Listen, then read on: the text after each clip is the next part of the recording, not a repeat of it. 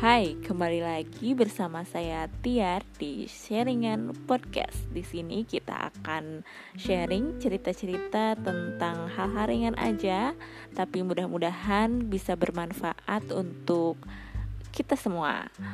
Oke, jadi hari ini kita akan melanjutkan topik di episode kemarin kalau episode kemarin kita masih ngobrolin tentang makanan sehat hari ini juga kita lanjutkan Q&A-nya karena masih pandemi jadi topik tentang kesehatan ini ya sedang banyak kita cari ya. Kebetulan aku sudah open Q&A nih sama teman-teman semua dan ada beberapa pertanyaan yang masuk. Oke aku sudah aku pilih. Pertanyaannya gini katanya pertanyaannya udah mulai sering bawa ke kantor anak-anak kadang sering komentarin kenapa nggak langsung dimakan aja? Jadi ini dari teman kita nanya kenapa sih harus repot-repot dibikin infused water? Kenapa sih buahnya nggak langsung dimakan aja?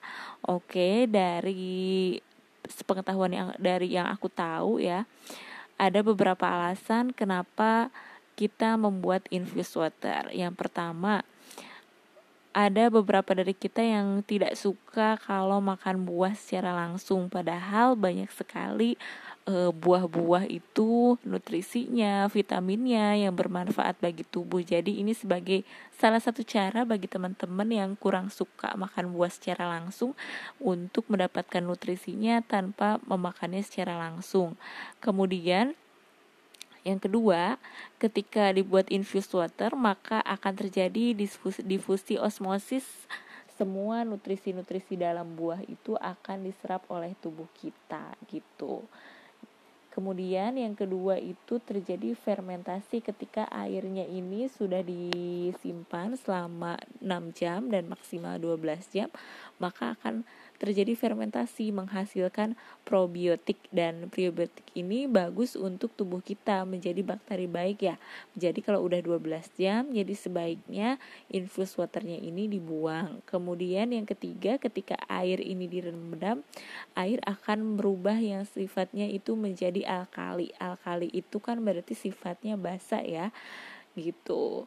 E, dan air yang tubuh yang kita perlukan dalam tubuh kita itu adalah yang sifatnya e, basah ya yang masuk ke tubuh kita karena kalau kita makan daging, goreng-gorengan itu sifatnya itu membuat pH tubuh kita itu menjadi asam. Jadi supaya tubuh kita netral, maka harus diimbangi dengan sesuatu yang sifatnya basa gitu untuk menetralkan pH tubuh. Nah, dan kalau tubuh kita yang terlalu asam ini nih yang membuat cukup bahaya nanti bisa menimbulkan berbagai penyakit gitu ya. Jadi kalau ada yang tanya kenapa ribet-ribet pakai e, dibuat infus water sekarang kamu udah bisa jawab